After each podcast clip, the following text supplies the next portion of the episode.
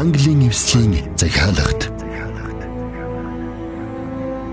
Бурхны түүх. Радио жүжиг.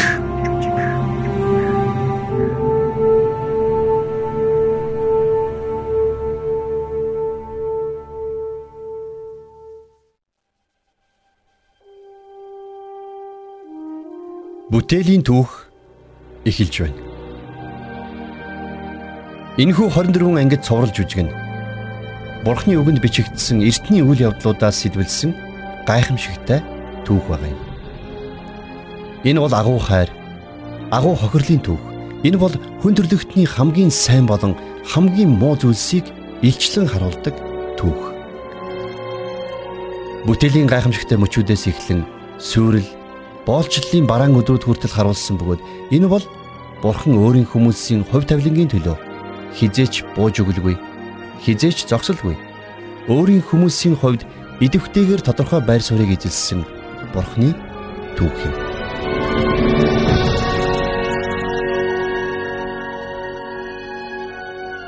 Одоо хамтдаа дуу химээх 8 дугаар бүлгийг бүлээн авч сонсцгоё.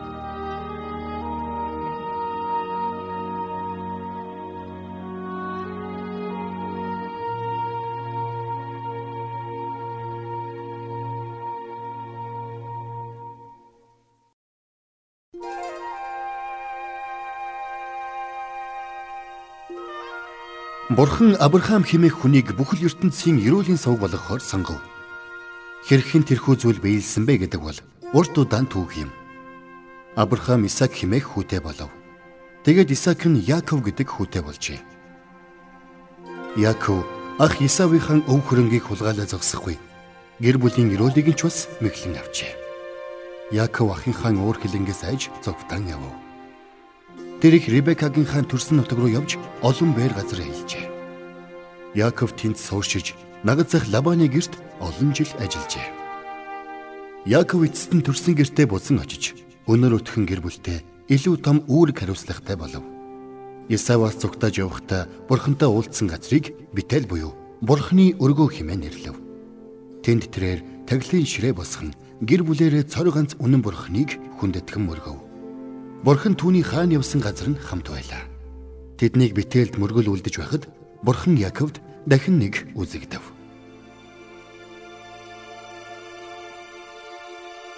Яаков Чамайг Яаков гэдэг. Үүнээс хойш чамайг Яаков гэж дууд. Харин чиний нэр Израиль болно.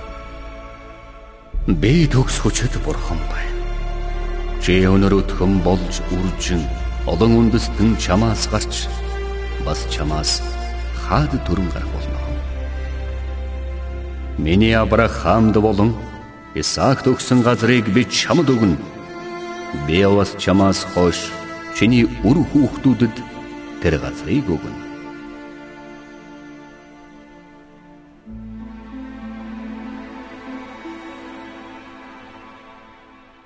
Израиль хэмээх нэртэй болсон Яаков 12 хүүтэй байсан бөгөөд тэдний 11 нь төрсөн нутагтаа буцан очихоос өмнө төрсөн ажээ. Битээлд сууршихаар ирэх үед түүний хөвгүүд бүгдээрээ бараг том ирчүүд болсон байлаа. Йосеф Яаковын өдлнаас нь төрсэн бөгөөд дараа нь дүү Бенжамин нь Бэтлехемийн ойролцоо мэндэлжээ. Бяцхан Йосефийг ярьж сурч байхад түүний эцэг нь гэр бүлийн үүрэг хариуцлагуудаа 3 болон 4 дахь хүүдэд дамжуулснаар хүү Йосефтойгоо хамтдаа маш их цагийг өнгөрөөх боломжтой болжээ. Мэдээж Йосефийн ахнар бүгд үүнийг анзаарав.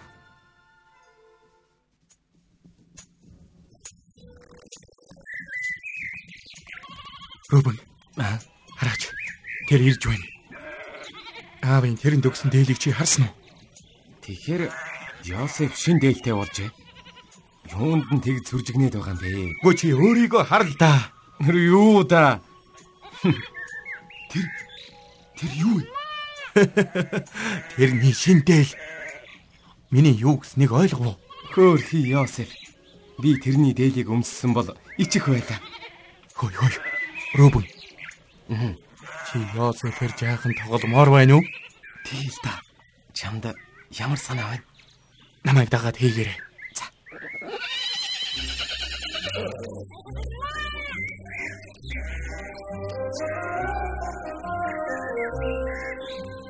Хөөх. Йосеф. Ямар гайхамшигтай дээлвэ? Өө. Сайн уу Рубен? Сайн уу юу да? Та нарт энэ дээл таалагдж байна уу? Таалагдхаа. Би бүр дурлцглаа. Рүүбэн дөнгөж сая дээлтэйч болоосой гэд ярьж байлаа. Үнэхээр мөнгөлөг юм аа. Тийм үү? Танд үнэхээр таалагдж байна уу? Энийг аав надад өгсөн юм. Үнэхээр гайхалтай юм аа. Гэхдээ юу гэж? Ямар нэгэн зүйл буруу л байна да. Юу гэнэ? Юу гэсэн үг? Урагдчихсан байна уу? Үгүй ээ, үгүй. Тэр биш ээ. Үгүй эн чин гадар нь хүздээр өвөн. Нэг тийм санагдаад байна та. Оо. Чамайг юу гээд байгааг би ойлголоо. Юу да? Юу гэнэ? Чи дээлээ эргүүлээд өмс. Яг зөв. Эргүүлээд үү? Та тэгж бодож байна уу? Гэхдээ эн чинь Өө. Эргүүлээд өмсөх хэрэгтэй. Аав чамайг ийм маягтай гадагшаа гаргасан гэхээр бүр гайхаад байх юм аа. Тийм ээ өвөн. Гүй гэхдээ Алуу, наашир.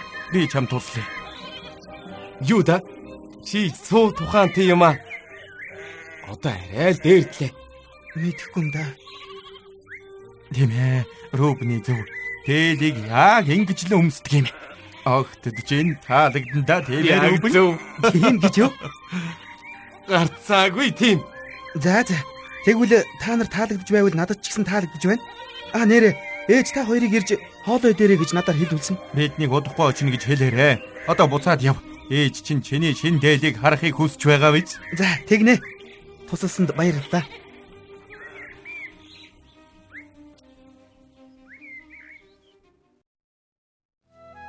Юу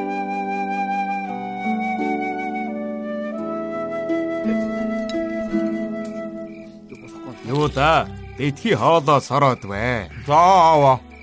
Бас битгий амаад үргэчхэд юм яриад байл да. За. Дүү чин талбаагаас эрэхтэй дээлээ их сонин өмсчихсэн байсан.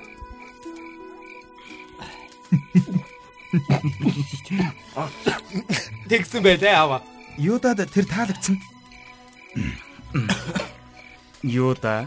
Хоодны дараа хоёулаа яриатай шүү. За.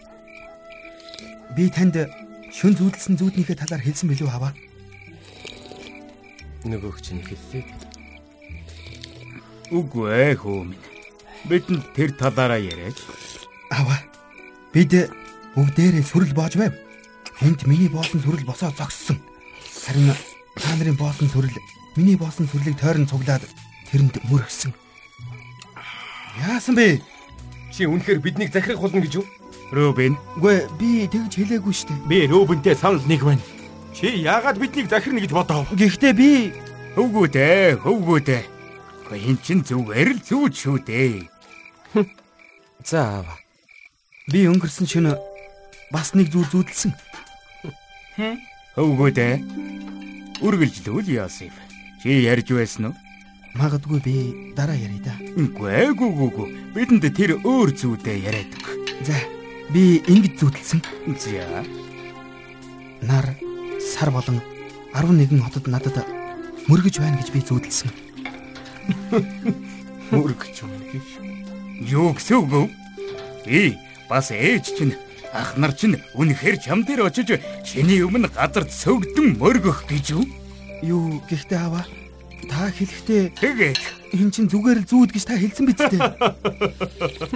Зөвхөн ах нар чинь сөгдөж байхад зүүд байсан юм аа. юу да? Чи өөрийн бодлоо өөртөө хадгалбал би талархах байна. За. Йосеф, За аваа. өнөөрөө бидэнд дахиж өөр зүуд битгий яриарай. Тийм ээ. Зүүд, зүүд гэж үү.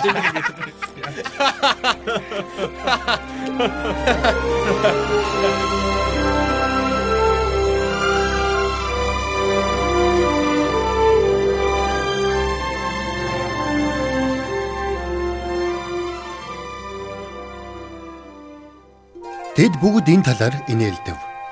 Гэвч дараа өдөр нь Йосефийн ахнар Йосеф болон түүний зүүдний талаар ярилцав. Бүх ахнар нь алс хол газар малаа хариулж байхад нэг нь Йосефийг тэдний хоолыг авчирхаар ирж буйг харлаа.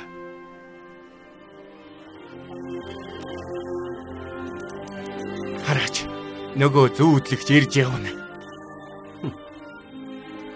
Ер нь Йосефийг алаад энэ худагнуудын нэг рүү шидэж. Тэгээд аавд тэрнийг зэрлэг араат нь идчихсэн гэд хэлчихье. Тэгээд дараа нь тэрний зүүдэнд юу орж ирэхийг харцгаа хэлтаа. Үгүй. Тэрний амийг битгий хороо. Тэрнийг худагт хайж сургая. Харин тэрэнд битгий гарах хөр. Тэгээд Йосефийг ахнар дээрээ очиход тэд түүний өмсөж байсан тансаг дээлийг дээрэмдэж аваад хоосон худаглуу хаялаа. Тэгээд тэд худгийн ойролцоо түүний авчирж өгсөн хоолыг идсэн ба түүний тусламж хүн хаширхыг үлдээв. Тэдний хоолоо идэж дуусгаас өмнө Египт рүү явж буй худалдаач тэн цугаа ирлээ. Төрхөлөөгөр хэрвээ бид дүүг хаалаад тэрний цусны буруутан болсноор бидэнд ямар ашиг байх вүлээ? Оронд нь бид тэрнийг энэ жингийн цуванд заръя. Тэгээд жингийн цуваа ирэхэд ахнар нь Йосефийг худгаас татаж гаргаад 20 мөнгөн зоосоор зарав. Тэд түүний дээлийг авч аавынхаа хондоос нэгийг нийтлээд цусанд нь дөрж аавдаа авчирч өгөөд дээлийг талбайгаас олсон хэмээн хэлв. Хууралд амжилттай болж Израиль цусанд бодогдсон дээлийг хараад хүүгээ өгсөнд итгэн дээлээ урж тасдын баг хүүгийнхэн төлөө гашуудан уйлав. Энэ үеэр худалдаачид Йосефийг Египтийн фараоны захирагчдын нэгэнд нь заржээ. Ингээд Йосеф боол болов. Йосеф эцэг Яковынхаа хайртай хүн байлаа. Анхнаар нь түүнийг гадуурхаж, түүнээс амжирахыг хүсэв. Тиймээс тэд эхлээд нүхэнд хаяж, тэгээд түүнийг гаргаад боол болгохоор Египт рүү явж байсан жингийн цуванд заржээ. Харин бурхан Йосефтэй хамт байсан бөгөөд тэр эзнийхээ гэрийн даамал болжээ.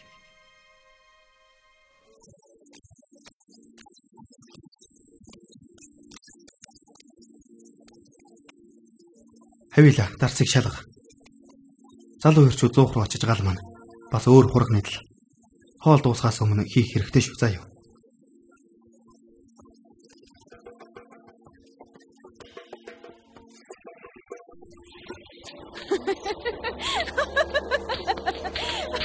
Йосеф чи бидэнтэй нэг.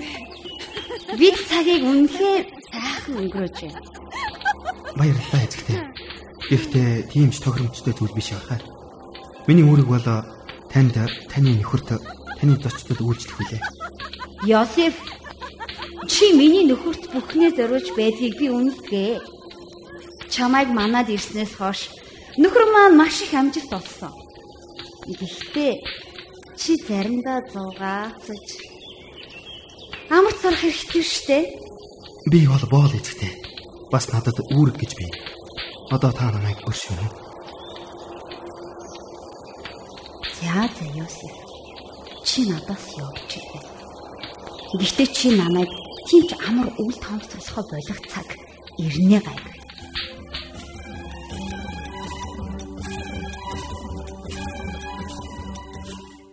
Хэдийгээр тэр боол байсан ч Йосеф Египт хүний герт хөгжин цэцэглэж байлаа. Түүний шин эзэн түүнтэй хамт бурхан байгааг бас бурхан түүний хийсэн бүхнийг амжилттай болгож өгөх хараад тэрээр Йосефийг гэрийнхээ даамал болгожээ. Тэр мөчөөс эхлэн бурхан Йосефаас болоод Египт хүнийг өрөөжээ. Харамсалтай нь Йосеф маш сайхан залуу байсан учраас эртнээс эзнийхээ эхнэрийн анхаарлыг татах болов. Йосеф түүний дайралтуудаас өөрийгөө хамгаалах гэж оролдож байв. Гэвч асуудал ундарсаар л байлаа. Нэгэн өдөр нөхөр нь гадуур гарсан хойгоор эзнийх нь ихнэр чимээг үхэн бүх болоодаа гэрээсээ гаргаад Йосефийг дуудав.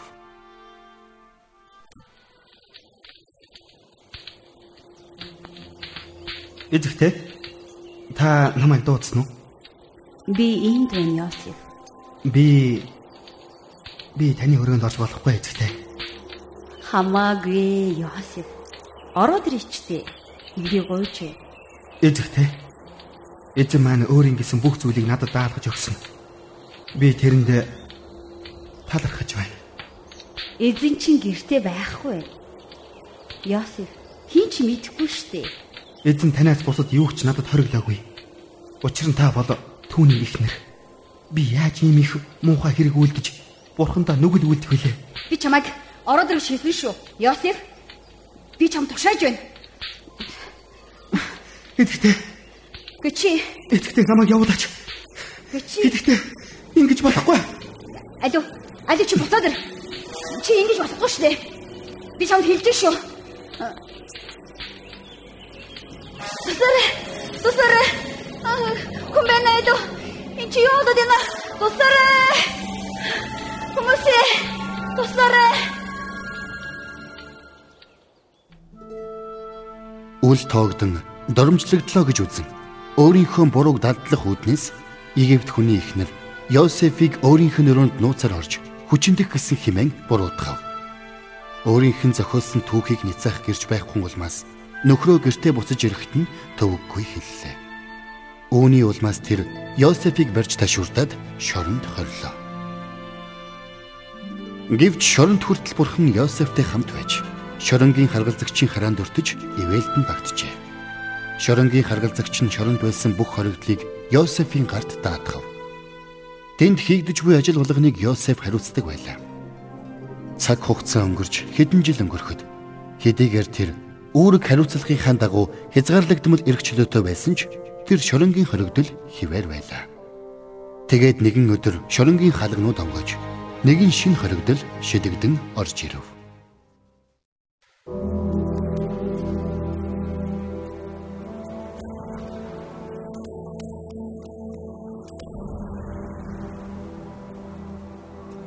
Тав тамирал. Хин гэдгийг тань асууж болох уу? намайг нахоор гэдэг хааны сүнж Хааны сүнч юу? Гүй тэгээд яагаад яаж энэ чамд хамаагүй залуу минь би шоронгийн харгалзагчтай байна. хүслээр тань болъё нахаар би энэ нэрийг санаж явуулна. Одоо надтай хамт явна уу? Би танд шоронгийн харгалзагчтай уулзж болох тэр өрөөг зааж өгье. Түүний гэрэнгүүт нь би уулзах ёстой. Ойлгов уу? Тэгэл үү яах вэ? Нахаар энэ замаар явна уу? Олон шөнийн дараа түүнийг хэдэн сарын турш шоронд байхад шинэ хоригдол нэг нь тод зүуд зөөдөлжээ. Өглөөс ирээд зүүдээ санаж байсан ч ямар утга учиртай болохыг олж чадахгүй байлаа. Нахаар яасан бэ? Энэ өглөө чи их зовсон харагдаж байна. Өөрийгөө хичээ залуу минь. За, хүслээр тань болог. Таны гунигтай царайг хараад зүгээр л санаа минь зовсон юм. Би би өнгөрсөн шөнө зүү зүүдлээ. Аа, тийм үү. Харин би шоронд байгаа болохоор надад тэр зүүдийг тайлбарлаж өгөх хүн алга. Тайлбарыг бурхан л өгдөг. Бурхан надад утгыг нэлжиж өгч магадгүй. Чи юу? Яагаад болохгүй гэж зүүдээ надад ярилтаа. За за. Намайг зүүдэндээ харахад миний өмнө усан үзмийн мод байх ба тэр усан үзмийн мод гурван мөчөртэй байх бөгөөд тэр нь соёолж дэлгэрээд усан үзм боловсрч. Миний гар дээр фараоны аяг байх ба би усан үзмийг авч фараоны аяганд шүүсийг шахаж хийгээд тэр аяга фараонд өргөн болж байх юм. Энэ юу гэсэн утгатай юм бол? Түүний тайлан гэвэл гурван мөчөр нь гурван өдөр юм. Фараон гурван өдрийн дотор таны толгойг өндийлгөж хуучин ажилд чинь дахин оруулна. Тэгээд та урд түүний сүнж байх үедээ хийдэг байсан шигэ фараоны аягийг дахин гарт нь бариулж өгөх болно. Гурван өдрийн дараа юу? Үнэн үү? Тийм ээ, үнэн. Өвөг дээд Симан бурхан надад утгыг тайлж өглөө. Эндээс гарахаараа фараонд миний тухай хэлж энэ шоронгоос намайг гаргахад минь тусалж өгнө үү нахаар. Хэрвээ чиний хэлснээр болвол би заавал чиний талаар фараонд хэлэх болно.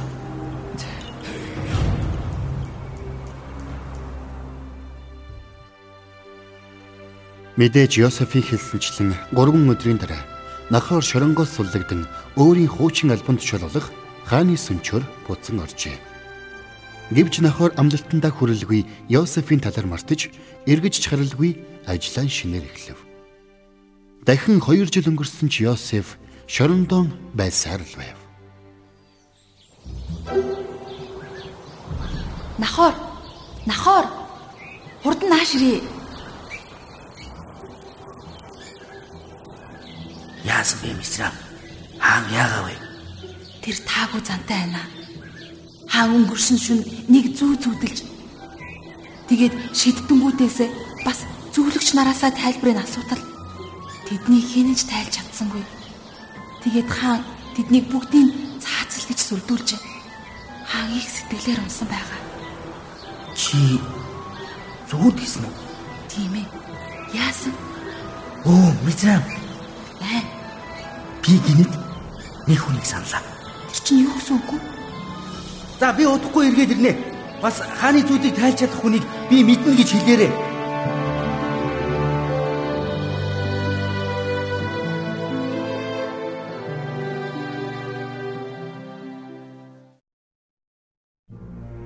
Цагийн дараа гэхэд Йосеф Египтийн хаан агуу фараоны өмнө зогсож байлаа.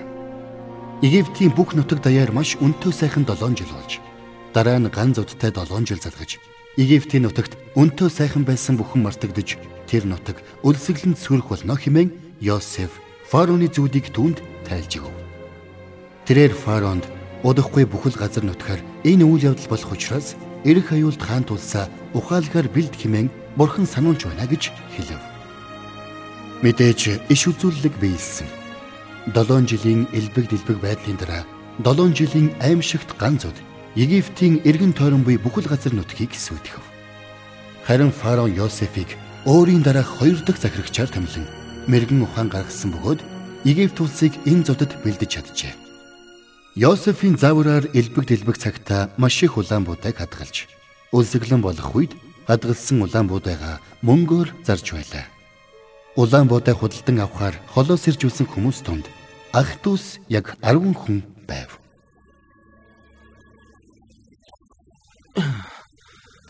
Бид ер нь хэрэг зам туулаад байна рүүбэн. Би цаашаа явж чадахгүй нэ. Байл л доо юу та. Гомдолхоо байл. Буудаа дуусаагүй байгаа нь бидний аз. Ганцхан Египтчүүдэд улаан буудаа байгаа. Ингээд чи Египтийн тэр нууцлаг шин захирагчийн талаар сонссноо рүүбэн. Шинэ гинэ. Тийм ээ. Өмнөх фараон нь нас барчихсан юм уу? Үгүй ээ, үгүй. ээ. Би тэрний дараах хоёр дахь захирагчийн талаар яриад байна. Тэрийг л Египтийг үдирддэг жинхэнэ захирагч нь гэж тэд ярьдаг юм билээ. Шал инээдтэй юм. Фараон Египтийг захирдаг гэдгийг хүн болгоно л мэдэн шүү дээ. Хүй, хараач. Бид бараг л урд нь ирч гэж. Ингээд байна. Бид ер нь тэрнтэй уулзах чадах болов уу яах вэ? Хинтээ уулзна гэж Захирагч аа, тэр залуу яагав? Хоёр дахь захирагч. хэрвээ тэр бидэнд улаан буудаа зарах юм бол би тэрнтэй уулзахдаа баяртай байх болно. Өршөөгөөрэй ирчүүдээ. Та нарын нэг чинь энд улаан буудаа худалдаж авахар ирсэн гэж хэлсэн үү? Үгүй. Та намайг цоч Мм. Тийм ээ. Би дүүнартайгаа хамт улаан буудаа худалдан авахар урт замыг туулж ирлээ. Аа, тийм үү. Ингээд та нар хаанаас ирсэн юм? Кананаас. Бид 6 өдрийн турш явж ирлээ. Ойлголоо. Та хэдэн дүү тавэ? 11. 11. Ингээд танд 11 дүү байдаг гэсэн үг үү? Эсвэл таныг оруулаад 11-үлээ гэж юу? Хой хой, рүүбэн. Танихгүй хүнд бүх юм яриад байж болж байгаа мó. Одоо биш ээ юу да. Намайг уучлаарай. Найз минь. Таны дүүгийн зөв. Би хувийн асуулт асуух ёсгүй байсан юм. Таны ярианы аялга үнэхээр сонирхолтой санагдаад л. Алив наашир. Хэрвээ та нараа улаан буудаа худалдаж авахыг хүсэж байгаа бол та нарын хайж байгаа хүн чинь би байна. Тийм ээ, би байна. Бид бид өмнө нь уулзаж байлаа. Та надад нэг л танил санагдаад байх юм. Хөрчөөгөөрэй. Хэрвээ таны хийдэг ажил улаан буудайг худалдах юм бол та Египтийн чин нууцлаг өдөрдөгчийн дор ажилдаг гэсэн үг үү?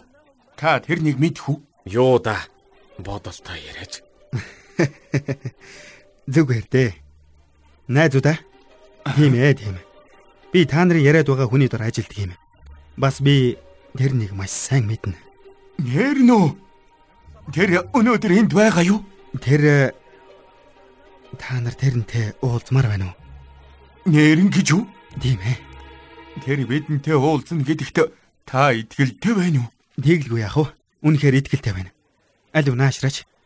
Та нар өлсөж байна уу? Оо, Тийм ээ, тийм ээ. би танд төвөг болмооргүй байна. Зүгээр. Зүгээр. Манайд хоол идчихье. Тэгээ та нарын хэлээд байсан тэр хүнтэй уулзцгаая. Ээ гэл. За, орцгоё. За, орцгоё. За оръё. Болгоомжтой. Сэжиг аваагүй ахнар нь үл таних хүнтэй хамт явлаа. Тэдний нэг нь ч түүнийг фароны доорх хоёр дахь өдөртөгч мөн тэдний дүү Йосеф гэдгийг таньсангүй.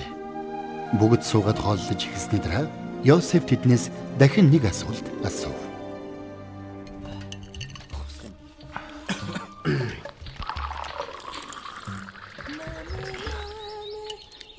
Таны зочломтгой занд бид маш их талархаж байна эрх мэ. Зүгээр дээ. Та бидэнд маш их нэгүүлсэнгүй ээлдэг хандлаа. Хэдий бид үл таних хүмүүс ч гэсэн Тийм ээ, тийм. Бид танд өртөө ирэх мэ. Гэхдээ та бидэнд хараахан нэрээ хэлээгүй юм байна. Та нар 10 лав байна. Гэхдээ надад хэлэхдээ 11 дүүтэй гэж хэлсэн шиг санагдаад байх юм. Тийм ээ. Нэг дүү маань гэрдээ аавтай хамт байгаа. Хамгийн бага нь. Ойлголоо. Өөр хүн байхгүй мó? Өөр ах дүү ч юм уу хэн нэгэн байхгүй гэж мэ. Та маш хэцүү асуулт асуулаа. Бидэнд өөр нэг дүү байсныг та санууллаа. Өөр дүү байсан гинэ. Тэрэнд юу тохиолдсон юм? Тэр нэг биднээс ам гуйж байхад ямар их зов шалж байгааг нь бид харж байсан. Харин бид сонсоогүй. Та нар хиний талаар яриад байна. Бидэнд дахиад нэг дүү байсан юм аа. Бид тэрэнд хэрцгий хандсан. Одоо тэр минь байхгүй. бид тэр хүүгийн эсрэг нүгэл үйлдээд хэрэггүй гэж би чамд хэлээгүй юу? Одоо бид тэрний цусны төлөөсийг төлж байна. Юу? Тэр нас барчихсан юм уу? Бид тэрнийг үгсэн байх гэж бодож байна. Бид тэрнийг боол болгон зарж дахин хизээж хараагүй. Тэгвэл та нар тэрэнд юу тохиолдсныг мэдэхгүй юм байна. Тийм ээ. Бид мэдэхгүй.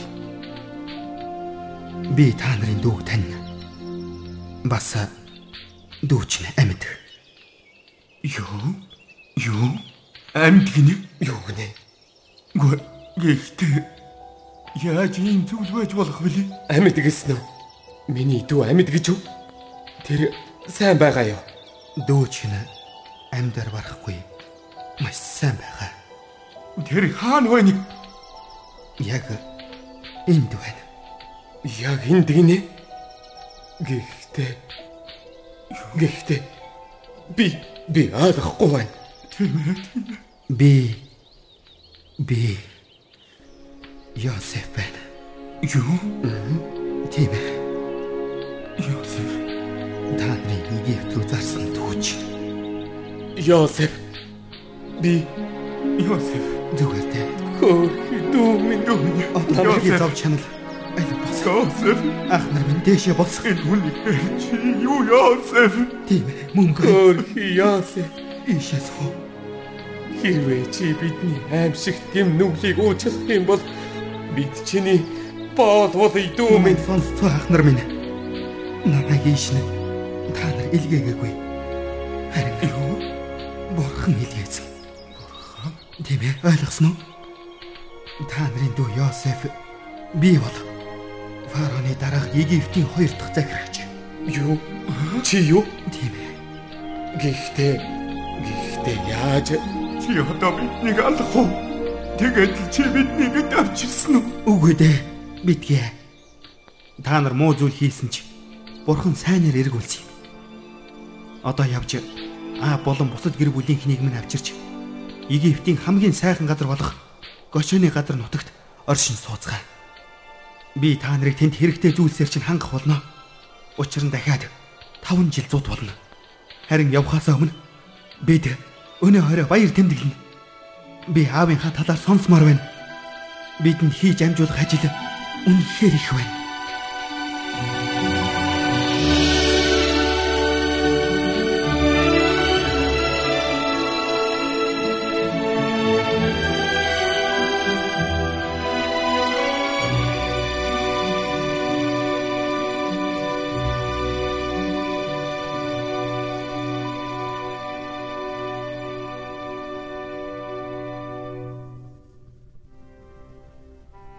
Йосеф болон ах нар нь бүгдээрээ тэрвэрлдэн бие биенээ үнсэж баяр хөөр болон уйлалтав. Тэд оройн хуучны түүгүүдэд ярилцсан хамтдаа нэмэж Бурхны юу хийснийг хараад гайхацгаалаа. Тэгээд өглөө нь болоход тэд аав руугаа буцаж Йосефийг амьд гисэн сайхан мэдээг хүргэхээр хөдлөв. Хэдийгээр Израиль тэр мэдээг сонсоод цочирдсан боловч маш их баяр хөөртэйгээр хүлээн авлаа. Учир нь үгсэн гэж бодож байсан хүн эцэст нь олдлоо. 6 сарын дараа Израиль болон түүний бүхэл гэр бүлийнхэн Канааныг орхин Гошоны үдсэглэнт нутагт сууршив. Тэнд Египтчүүд Йосефос болоод тэдэнтэй их сайхан ханддаг байлаа. Тэгээд элбэг дэлбэг аюулгүй амьдарчээ. Бурхан Израилийн хүүхдүүдийг тэнд өрөө. Харин хизээ нэгэн өдөр тэднийг буцаагаад өвөг дээдэст намлсан газруулах Канаан нутаг руу аваачна хэмээн бурхан амлажээ.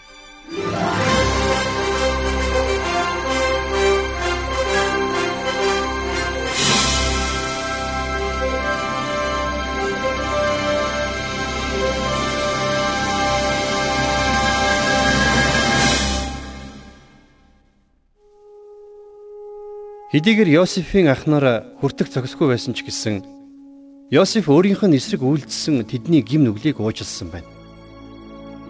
Йосефт хэдийгээр тэднийг алах эрх мэдэл байсан ч гэсэн тэр тэднийг уучлан хайрлаж тэгээд хэрэгцээтэй зүйлсээр нь хангасан юм. Биднэрт муу буруу зүйл хийсэн хүмүүсийг ч гэсэн бид уучлах хэрэгтэй. Бид мууг муугаар хариулах хэрэггүй. Бид Есүс Христийг өөрийн аврагчаа болгон хүлээн авч түүнийг дагахаар шийдвэр гаргах үед гмийн уучлал болон мөн хамийг хүлээж авдаг. Ингэснээр Бурхны сүнс бидний дотор амьдарч бидэнд туслахаар ирдэг юм.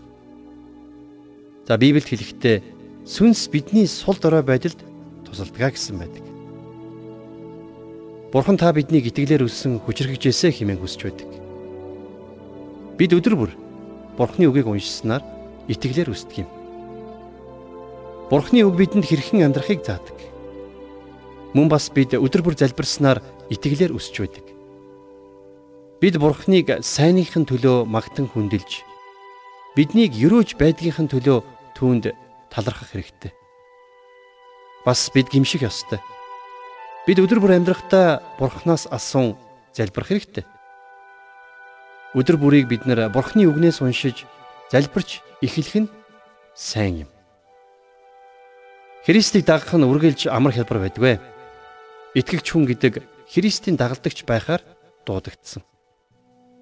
Хүмүүс биднийг хавчиж хүнд хэцүү зовлонд унгахад харин гайхах хэрэггүй. Учир нь бид бол Христийн дагалдагчид. Есүс өөрөө хэлсэн байдаг. Хэрвээ тэд намайг хавчсан бол та нарыг ч бас хавчих болно гэж. Харин тэд миний нэрээс болж та нарт энэ бүгдийг хийх болно. Учир нь тэд намайг илгээсэн нэгнийг мэдэхгүй маа гэж үргэлжлүүлэн хэлсэн байна. Надаас болж та нарыг хүмүүст оромжилж, хавчиж, хуурамчаар та нарын эсрэг зүсэн бүрийн хормог ярихад та нар ерөөлтэй. Тэнгэр дэх шагналт нь агуу учир баярлцгаа. Мөн баяр хөөртэй байцгаа. Учир нь та нараас өмнө байсан иш үзүүлэгчдийг тэд ийхүү хавцсан юм а гэж Есүс хэлсэн байна. Хайр болон уучлал бидний итгэлийн амьдралыг бүрдүүлж өгдөг юм. Тэрбүү хил бүр хавчлаханд орсон үед ч гэсэн хайр биднийг төвчээртэй болгодог. Есүс хэлэхдээ өстөн дайснаа хайрл та нарыг хавчдаг хүмүүсийн төлөө залбираарай гэж сургасан. Есүс өөрөө загалмайд цовдлогдсон нас орж байхдаа өөрийг нь цовдолж байгаа тэдгэр хүмүүсийн төлөө Аава тэднийг уучлаач. Учир нь тэд юу хийж байгаагаа мэдэхгүй байна гэж залбирч байсан. Тэгэхээр бид нар хавчигдж байхдаа ганцаараа байдаггүй. Бурхан биднэр тохиолдож байгаа бүх зүйлийг мэддэг. Тэгээд бидэнтэй хамт байдаг юм. Би чамайг хизээч орхихгүй. Би чамайг хизээч мартахгүй гэсэн Бурханы гайхамшигтай амлалт байдаг юм. Харин одоо би Бурханд хандан чин сэтгэлээсээ залбирах гэж байна. Та миний залбирлыг сонсоод дараа нь надтай хамт залбираарай. Эзэн Есүс минь Миний амьдралд ирсэнд баярлалаа. Итгэлээр өсгөд минь та надад туслаарай. Хавчлаг зовлон ирэхэд намайг хүчтэй болгож өгөөрэй. Та намайг хизээч орхихгүй гэж амласан учраас би танд хязгааргүйх баярлж байна. Өнөөдөр хаа нэгтээ хавчлаг дотор зовж шаналж байгаа Христ доторх итгэлийн ах ихч дүүнерт минь та туслаарай. Есүсийн нэрээр залбирлаа. Амен. Харин одоо та намайг дагаад чин сэтгэлээсээ дараах үгсээр залбираарай. Эзэн Есүс минь миний амьдралд орж ирсэнд баярлалаа.